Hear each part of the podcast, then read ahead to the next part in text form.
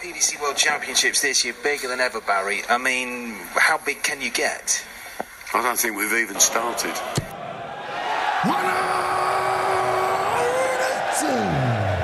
If you talk the talk, you gotta walk the walk.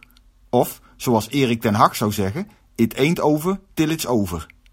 Martijn Kleermaker verscheen de afgelopen tijd ineens op iedere website en in iedere krant die de BDO nog even een trap na wilde geven.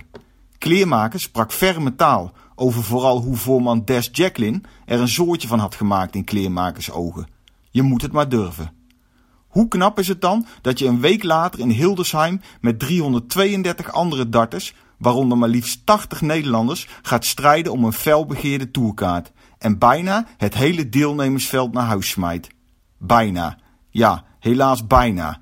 Er was een Oostenrijkse softtip-darter met de naam Harald Leitinger die het net 74 punten beter deed dan kleermaken. Geen probleem, want dankzij het rankingsysteem moet het met de vandaag behaalde punten wel heel vreemd lopen, wil kleermaken geen tourkaart bemachtigen.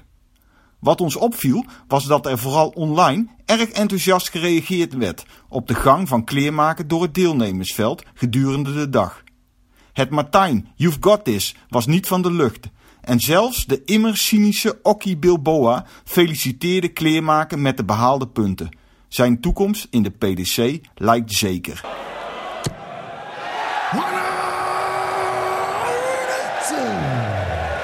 De andere Nederlanders deden het ook helemaal niet slecht. Als het online scoringsprogramma Darts Connect wel eens werkte, waren we vooral onder de indruk van Owen Roelofs en Wesley Harms, die een wereldpartij tegen Chris Landman gooiden. Ook Jeffrey de Graaf en Dirk Telnekes deden het erg goed. De voor ons onbekende Nederlander Tony Veenhoff deed het zelfs meer dan goed. Hij verloor pas in de kwartfinale van Martijn Kleermaken. Q-School is niet te volgen op beeld, maar slechts qua scores online te volgen, wat het super spannend maakt en af en toe frustrerend. Het programma blijft de hele tijd hangen en simultaan de Engelse en Europese Q-School partijen volgen is sowieso niet te doen. We zouden nog uren door kunnen praten over hoe goed Lisa Ashton en Fallon Sherrock het deden. Hoe erg Richard Veenstra tegenviel en er in de eerste ronde al uitlag.